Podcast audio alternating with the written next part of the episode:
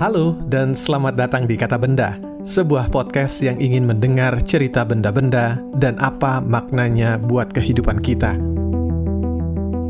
Cerita tentang beduk dan kentongan, borobudur dan penjara orang buangan, mesin jahit dan panel-panel di Museum Perjuangan. Ikhtiar menggali dan mengakrabkan pengetahuan juga kearifan masa lalu dengan tantangan masa kini.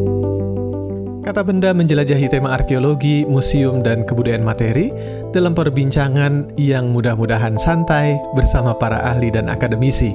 Kata benda diproduksi oleh Pusat Penelitian Kemasyarakatan dan Budaya PPKB Fakultas Ilmu Pengetahuan Budaya Universitas Indonesia. Saya Hilman Handoni, pemandu obrolan. saya terus terang agak kebingungan untuk menyusun paragraf pengantar wawancara ini karena begitu banyak hal atau pelajaran dari Raja Airlangga yang relevan dengan situasi sekarang. Pindah ibu kota, Airlangga sudah melakukan bahkan tiga kali. Tol laut, dia juga membangun pelabuhan regional untuk memanfaatkan jaringan perdagangan internasional. Infrastruktur, pengaruh asing, Airlangga juga mengelola keberagaman menjadi sumber kekuatan Uh, mungkin karena itu dia dikenang sebagai salah satu raja uh, paling hebat di Jawa atau menurut uh, Bu Nini, arkeolog, dosen arkeologi Fakultas Ilmu Pengetahuan Budaya, uh, dia disebut juga sebagai raja pembaharu.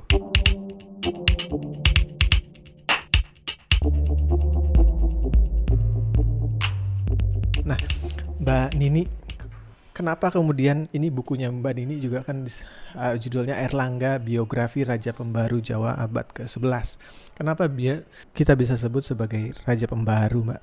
Saya mencoba merekonstruksi uh, pemerintahan pada masa Erlangga berdasarkan isi prasastinya dan saya saya melihat menjadi ada ada empat aspek yang saya saya tinjau yaitu politik, uh, keagamaan, uh, ekonomi dan sosial. Nah, uh, saya saya uh, menjadi kagum ya karena karena karena penokohan karena tokoh Erlangga ini memang luar biasa. Bagaimana dia uh, pada awalnya uh, dia adalah seorang uh, putra mahkota dari uh, dinasti Warmadewa di Bali yang kemudian dia menikah dengan dengan uh, anaknya Raja Dharma Wangsa Teguh dari kerajaan Mataram kuno di Jawa. Nah, uh, kemudian kerajaan hancur lebur pada saat pernikahan mereka karena diserang oleh Raja Fasal. Nah, uh, tiga tahun Airlaga ada di hutan untuk uh, jadi para ahli menyebutnya sebagai persiapan rohani. Asketisme gitu ya. Iya betul. Uh, uh. Jadi dia mempersiapkan secara rohani dan sampai pada satu saat dia diminta oleh uh, para pendeta dan rakyat untuk menjadi raja. Nah uh, dari sesuatu uh, ke, satu keadaan yang hancur lebur ya status quo yang kemudian raja-raja kecil di sekelilingnya itu menarik diri tidak mempercayai uh, ke, uh, hegemoni dia. Nah, di, dari sedikit demi sedikit dia membangun kerajaannya sehingga kerajaan itu menjadi besar. Dalam arti uh, bahwa dia melakukan segala daya, baik di bidang ekonomi, uh, politik maupun uh, keagamaan itu secara bers, bersama-sama yang ke, di, uh, kemudian menjadi uh, negara yang yang uh, mempunyai hegemoni yang kuat ya, yang yang jaya pada waktu itu. Bahwa salah satu karakteristik yang paling uh, menonjol dari tadi apa yang uh, Mbak Nini sebutkan bahwa dia tidak muncul dari sebuah situasi yang normal. Dia muncul dalam situasi genting atau situasi yang tidak uh, menguntungkan begitu ya. Lalu uh, juga dia dipercaya, ditunjuk. Jadi jadi semacam masuk ke dalam perangkap atau situasi yang mengharuskan dia seperti hebat seperti itu. Itu apakah juga motif seperti itu uh, bisa uh, di dalam uh, peristiwa sejarah lainnya itu bisa dijadikan sebagai salah satu karakter bagaimana seorang figur raja yang baik atau figur raja yang uh, uh, legendaris itu tercipta dari situasi seperti itu begitu. Barangkali satu hal yang yang saya lihat bagaimana Airlangga uh, membangun hegemoninya karena dia pada waktu itu kerajaan sudah kehilangan kepercayaan. Nah, saya melihat bahwa Airlangga merangkul rakyat. Uh, baga- uh, dia hampir tiga perempat dari masa per, uh, pemerintahannya itu adalah memerangi kerajaan-kerajaan kecil di sekelilingnya, kerajaan kecil maupun uh, bagian negara bagian yang yang yang mundur dari dia itu ditaklukkan satu persatu melalui peperangan-peperangan dan itu jelas disebutkan di dalam di dalam prasastinya. Nah, ketika dia perang dari satu tempat ke tempat yang lain, itu itu dia dibantu, selalu mendapat dukungan dari rakyat. Baik itu seseorang yang terus berdoa siang malam untuk kemenangan dia, baik se sekampung orang sedesa yang memberi penginapan kepada dia maupun yang yang mem, mem, me, menjaga sebagai uh, pagar betis uh, untuk untuk menahan serangan dari uh, dari dari pasukan yang lain. Nah itu itu luar biasa. Jadi uh, kebersamaan Erlangga dengan rakyatnya itu itu luar biasa menjadi kekuatan. Demikian juga saya tadi diingatkan bahwa uh, di, di dalam kehidupan keagamaannya. Uh, prasasti selalu menyebutkan bahwa ketika dia menetapkan satu daerah menjadi sima, dia itu uh, sebetulnya dia juga selalu menyertakan para agamawan di samping dia. Ada uh, Mahabrahmana, Saiwa, Sogata, Resi itu yang selalu mendampingi dia. Jadi jadi rupanya uh, Airlangga juga didukung secara moral dan uh, apa secara moral oleh oleh para pemuka agama ini gitu ya itu. Itu komponennya berarti jelas ya ada rakyat yang luar biasa mendukung dia, ada kalangan bawah paling nggak ya, lalu menengah ke atas itu adalah para uh, pemuka agama. Nah dalam masa waktunya yang singkat itu dia mengeluarkan 30-an prasasti begitu ya Mbak ya, salah satu yang terbanyak mungkin. Uh, tapi apa maknanya ya uh, dari uh, begitu banyaknya prasasti yang dia tinggalkan di masa uh, pemerintahannya? Ya, jadi kira-kira ke 33 uh, prasasti itu dia menggambarkan bagaimana uh, perjalanan dia uh, menaklukkan, menguatkan hegemoni dia sebagai raja.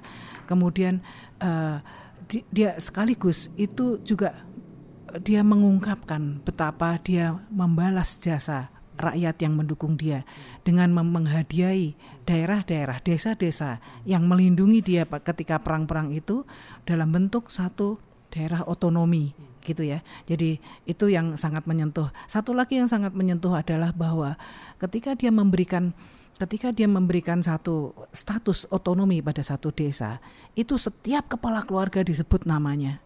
Hmm. Jadi ada nah ya? nah penghargaannya itu dia sebut namanya kepala-kepala keluarga itu itu itu sesuatu yang yang saya pikir uh, belum ada di dalam prasasti-prasasti Jawa kuno yang lain adalah itu penyebutan nama setiap uh, kepala keluarga hmm. yang di desa itu ya. Jadi ada seperti prasasti baru, prasasti yang panjang-panjang itu di bagian belakang di bagian frek, uh, verso itu itu cuma nama orang doang gitu loh. Jadi nah saya pikir lampirannya kok panjang sekali gitu ya. Jadi itu itu yang itu yang yang membuat uh, apa uh, uh, menyentuh gitu ya. Itu saya rasa itu.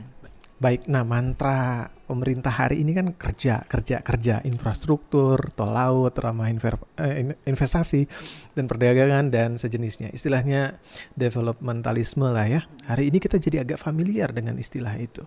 Nah, kita begitu meributkan juga rencana pindah ibu kota nih. Tapi Erlangga bahkan melakukannya beberapa kali.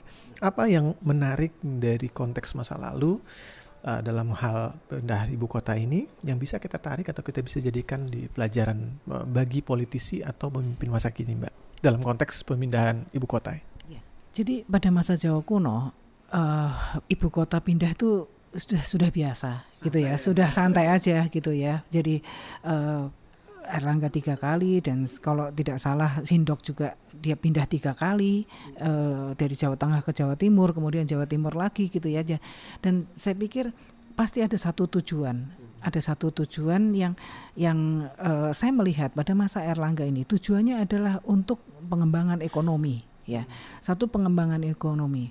Erlangga mempunyai cita-cita untuk membuka perdagangan internasional lewat laut. Hmm. Nah, memang semula ketika dia baru menjadi raja, dia masih ada rasa was-was. Ibu kotanya di Watan Mas, di kira-kira di dekat Surabaya karena prasasti-prasastinya terkonsentrasi di awal di situ. Nah, kemudian dia tiba-tiba dia masuk lagi. Dia ibu kotanya di Kahuripan. Dia masuk ke kira-kira ke arah ke arah uh, Mojokerto ya di Das Sungai Berantas. Ternyata di situ dia membangun suatu satu uh, apa eksten, ekstensifikasi persawahan di delta Sungai Berantas yang sangat subur. Dia membangun bendungan yang dan ke, yang bendungan yang bendungan pada Sungai Berantas itu yang kemudian juga sekaligus menjadi pelabuhan regional gitu ya antar pulau. Nah, itu itu ada di dalam. Kemudian dia melihat ketika dia berpaling kepada perdagangan internasional eh, dia ingin membuat satu yang uh, satu pelabuhan internasional yang ada di uh, pantai utara. Nah, itu itu dibuktikan dengan dengan adanya uh, apa namanya pemindahan ibu kota yang yang berikutnya yaitu uh, yang disebut dengan Dahanapura. Nah, Dahanapura ini uh, saya lihat Dahanapura itu ada di Lamongan di di wilayah Lamongan di uh, ke kecamatan Sambeng kalau tidak salah ini tuh sangat dekat dengan laut. Nah, apakah pelabuhan itu menjadi kenyataan? Ya, itu ada pelabuhan Kambang Putih nanti di dekat antara Tuban itu itu ada satu uh, pelabuhan yang namanya Pelabuhan Kambang Putih yang diresmikan oleh anaknya hmm. ya uh, Raja Garasakan yang menyebutkan bahwa sebetulnya pelabuhan ini telah dibuat oleh uh, leluhurnya gitu. Jadi uh, visi ke depan itu sangat jelas ya, sangat jelas. Nah, yang yang sangat mendukung lagi adalah bahwa saya melihat uh, ternyata daerah-daerah uh, yang ditaklukkan, yang tidak, yang tadi saya bilang diperangi, kemudian menjadi takluk kembali, itu distribusi prasasti-prasasti ini ada di tempat-tempat yang yang mengarah kepada ke tiga ibu kota ini kemudian uh, ke arah uh, pesisir pantai utara gitu. Jadi oh rupanya Airlangga mempersiapkan semua daerah ini dengan baik gitu ya. Kalau zaman dulu sih, nah inter betul internasionalisasi dan itu kemudian dibuktikan juga di dalam tiga prasastinya, uh, yaitu Patakan, Turun Yang dan uh, satu lagi ada tiga prasasti yang menyebutkan memang ada uh, pemukiman orang-orang asing ya uh, di dalam kerajaannya yang dikenai pajak. Itu itu ada daftarnya. Jadi ternyata uh, termasuk suku-suku dari India Selatan Arya Dravida uh, itu uh, apa Kalingga Keling ya dan itu uh, dan juga dari dari orang-orang uh, dari Asia Tenggara misalnya Khmer uh, Campa kemudian remen dan itu itu eh, remen Birma ya nah, gitu itu kira-kira halnya Banjir Jakarta 2007 menurut Bapenas akibatkan kerugian mencapai 5,16 triliun. Banjir ini bukan masalah main-main dan itu juga yang dihadapi Erlangga dengan kali berantas yang jadi urat nadi sawah dan transportasinya. Nah, uh, ini mengubah sebuah petaka bencana justru menjadi sebuah peluang begitu ya bisa ditebalikan ke apa uh, bencana itu tapi juga kita kepingin tahu bagaimana air langga juga uh, mengkoneksikan antara pembangunan persawahan, irigasi dan perdagangan begitu bu. Ini bagaimana sih dia melibatkan publik gak sih, melibatkan masyarakat gak sih? Apakah uh, visi pembangunannya teknokratik, artinya dia dapat dari atas, atau justru ini melibatkan banyak orang? Nah, ini satu yang contoh yang ba baik sekali yaitu di dalam prasasti Kamalagian itu uh, yang Anda sebutkan itu sudah termasuk semua. Jadi uh, prasasti tersebut menyebutkan bahwa delapan tahun Raja membangun bendungan itu. Delapan tahun.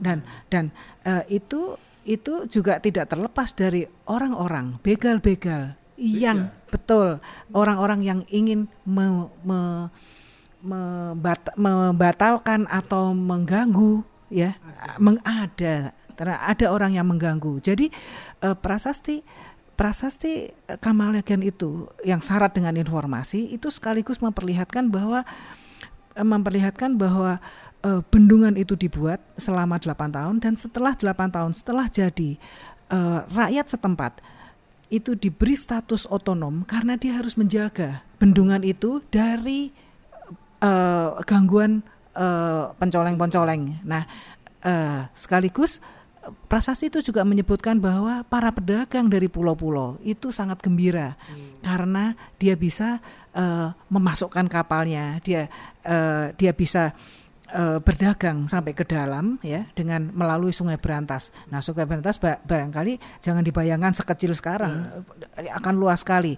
Dan satu hal lagi, melalui Sungai Berantas juga uh, ternyata disebutkan sawah-sawah itu bisa diairi. Jadi sekaligus irigasi. Jadi coba pada abad ke-11 itu sudah ada satu visi yang luar biasa gitu ya.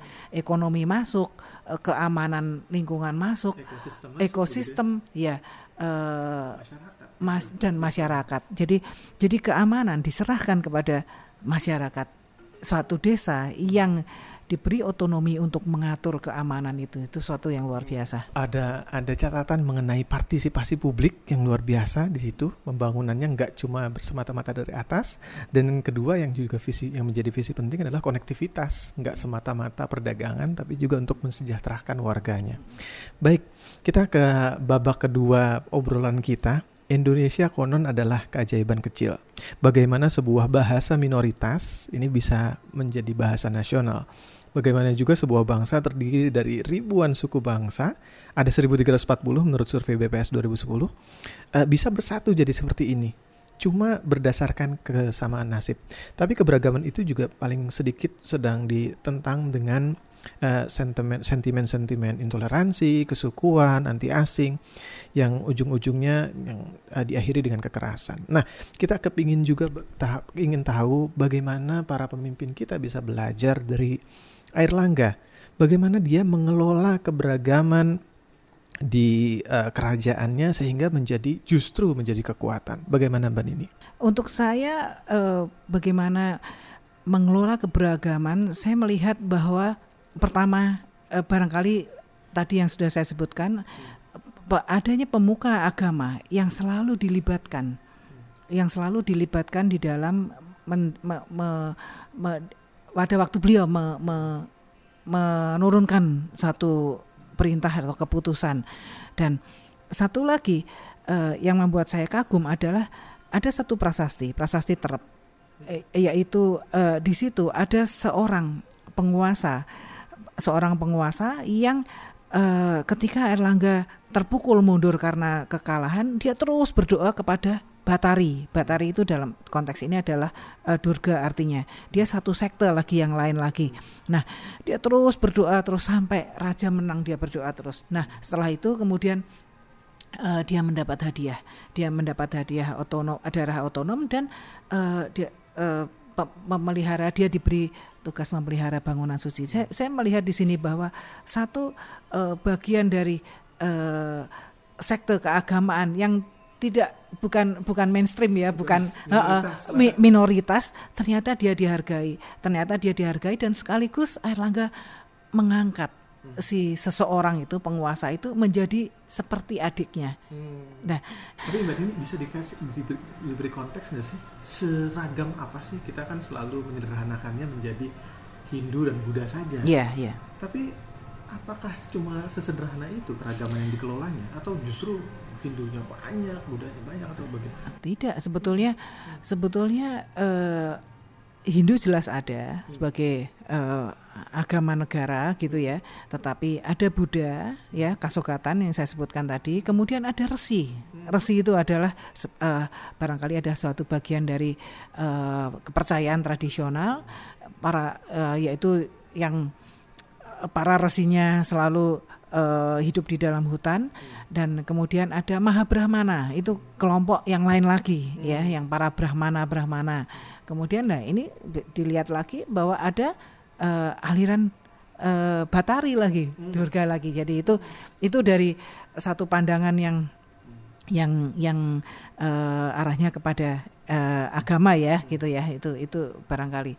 Ya sa satu satu lagi uh, adalah bahwa menurut uh, apa yang saya teliti saya saya saya menduga bahwa memang Airlangga beragama Saiwa ya itu ada di dalam uh, kakawin Arjunawi Waha ya nah namun uh, ternyata di dalam tiga prasastinya Airlangga menyebut bahwa dia adalah perwujudan dari Wisnu. Hmm. Nah, hmm. kita melihat bahwa uh, Wisnu adalah tokoh pemersatu ya, pemersatu. Uh, nah, itu itu juga satu yang sudah uh, apa namanya? Kelihatan ya kelihatan ya. betul.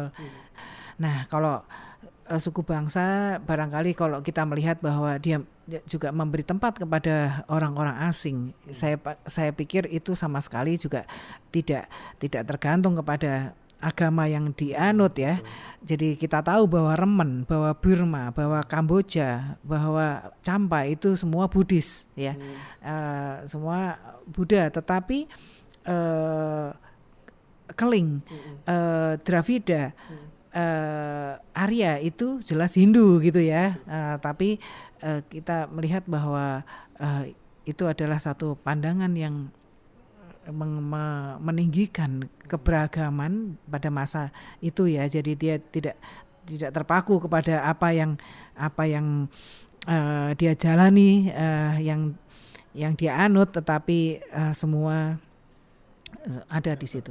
Sudah kosmopolit bandarnya. Betul. Itu sudah kosmopolit. Saya bayangkan seperti itu, hmm. karena saya juga mengutip kata uh, George Sodes bahwa uh, Erlangga adalah salah satu dari the true personality. Hmm. Jadi seorang uh, raja besar yang ada di Asia Tenggara pada abadnya ya. Uh, dia bandingkan dengan raja yang ada di Thailand dan Kamboja gitu ya. Jadi ya, pada masa itu memang dia seorang raja besar yang yang pernah memerintah di Jawa gitu. Kita beralih ke bagian terakhir bahwa begitu banyak pelajaran yang bisa kita ambil dari Erlangga.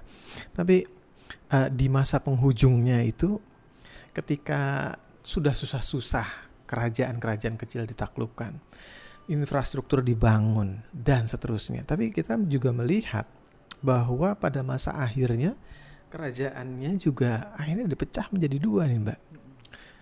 Apa sebabnya dan apa juga maknanya uh, dari dipecahnya konsentrasi kekuasaan ini? Dan pelajaran apa yang bisa diambil oleh uh, para pemimpin kita dari uh, apa situasi seperti ini? Iya, uh, sebetulnya ini ada saat ada ada dua pendapat sebetulnya. Jadi uh, prasasti prasasti ada ada tiga prasasti yang di yang dikeluarkan pada uh, akhir masa pemerintahan atau lima lima semuanya lima. Jadi jadi saya saya duga bahwa pemerintahan Airlangga ini berakhir pada tahun uh, 965 Saka. Hmm. Uh, karena apa? Tahun 966 itu sudah ada satu prasasti baru yang dikeluarkan oleh anaknya Garasakan ya. hmm. ya. Jadi uh, berita-berita uh, naskah maupun prasasti pada masa yang kemudian masa masa Kartanegara maupun masa uh, di, dari negara Kertapagamanya menyebutkan bahwa dia membagi dua kerajaannya kepada dua orang anaknya. Tapi untuk saya, saya masih ragu apakah betul karena gejala-gejala di uh, dua prasasti yang pada masa pemerintahan terakhirnya itu menyatakan bahwa dia mengangkat seorang putra mahkota yang berbeda dengan putra mahkota uh, sebelum-sebelumnya. Nah, ada dugaan bahwa ada dugaan bahwa uh, putra mahkota yang diangkat terakhir itu adalah sebetulnya adiknya, adiknya uh, istrinya uh, istri Airlangga yang uh, pada waktu itu gugur karena prasasti eh karena peristiwa pralaya. Hmm. Nah, uh, barangkali ini lebih masuk akal. Jadi dari semula Erlangga itu tidak pernah menganggap dirinya uh, orang yang berhak atas raja sebagai raja. Dia betul. Ya? Dia karena dia dia selalu menempatkan dia memakai gelar halu. Halu itu adalah pewaris kedua tahta. Hmm. Nah, jadi artinya siapa yang pertama? Hmm. Yang pertama itu adalah uh, seharusnya istrinya karena istrinya lah yang anak Dharma Wangsa Teguh. Nah, uh, ketika di akhir masa jabatan dia menjumpai bahwa ad, mungkin adik istrinya itu masih hidup, dia tidak bisa mengendalikan itu. Dia dia dengan pasti dengan rela dia akan me menyerahkan. Tetapi ada satu lagi bahwa anaknya juga dia punya anak-anak yang harus hmm. dibagi kekuasaan. Karena itu itu satu eh, sesuatu dilema yang harus dilalui yaitu membagi kerajaannya menjadi dua. Nah, apa pelajaran yang bisa saya ambil uh, dari perpisahan ini? Perpisahan ini uh, per, perpisahan apa pun terutama satu uh, pemisahan kekuasaan gitu ya per, uh, itu adalah sesuatu yang menyakitkan hmm. yang tidak tidak akan uh, selesai pada saat itu juga. Jadi memori kolektif nanti di dalam sejarah berikutnya kita melihat bahwa memori kolektif itu tetap ada sampai masa Majapahit mengenai mengenai uh, perpisahan ini karena ada satu prasasti uh, prasasti yang disalin uh, yaitu prasasti Gandakuti itu disalinnya pada masa Majapahit. Uh, uh, jadi itu jadi berarti uh, saya juga heran kok satu peristiwa yang sudah 200 tahun ya sudah lebih dari 200 tahun itu dia disalin lagi uh, untuk untuk satu uh, pengukuhan uh, pemisahan ini gitu ya. Jadi itu itu saya rasa uh, itu itu saya rasa yang memberikan satu satu uh, pelajaran. Dan satu lagi uh, pemisahan itu rasa uh, apa kemelut di akhir itu itu sungguh lama dan berkepanjangan. Dan itu sangat menyakitkan. Karena karena apa? Karena di prasasti-prasasti dari uh, keturunannya dari dari anak-anaknya uh, yang mendapat bagian di Janggala itu itu panjang lebar menceritakan uh, peperangan dengan saudaranya dengan saudaranya. Terus uh, itu itu ada lima prasasti yang berbicara itu. Jadi saya pikir, aduh, begitu tragis, tragis ya, tragis pemisahan itu begitu tragis dan membawa dampak yang trauma, yang panjang trauma, trauma. Ya. betul. Uh, sedangkan pembagian atas uh, pembagian kan dua kerajaan Janggala dan Panjalu. Uh, Panjalu sendiri tidak ada suaranya sampai 60 tahun. Hmm. Ya, uh, Panjalu sendiri seperti tenggelam. Hmm. Nah, barangkali barangkali dia memang kalah perang karena uh, Keraja Janggala menyebutkan bahwa dia menang perang, artinya Panjalu kalah perang pada waktu itu. Hmm. Nah, nanti giliran setelah 60 tahun uh, uh, Panjalunya berjaya menjadi kadiri, kadirinya yang berjaya, janggalanya nggak kedengaran. Gitu. Nah, itulah itu kira-kira gambarannya.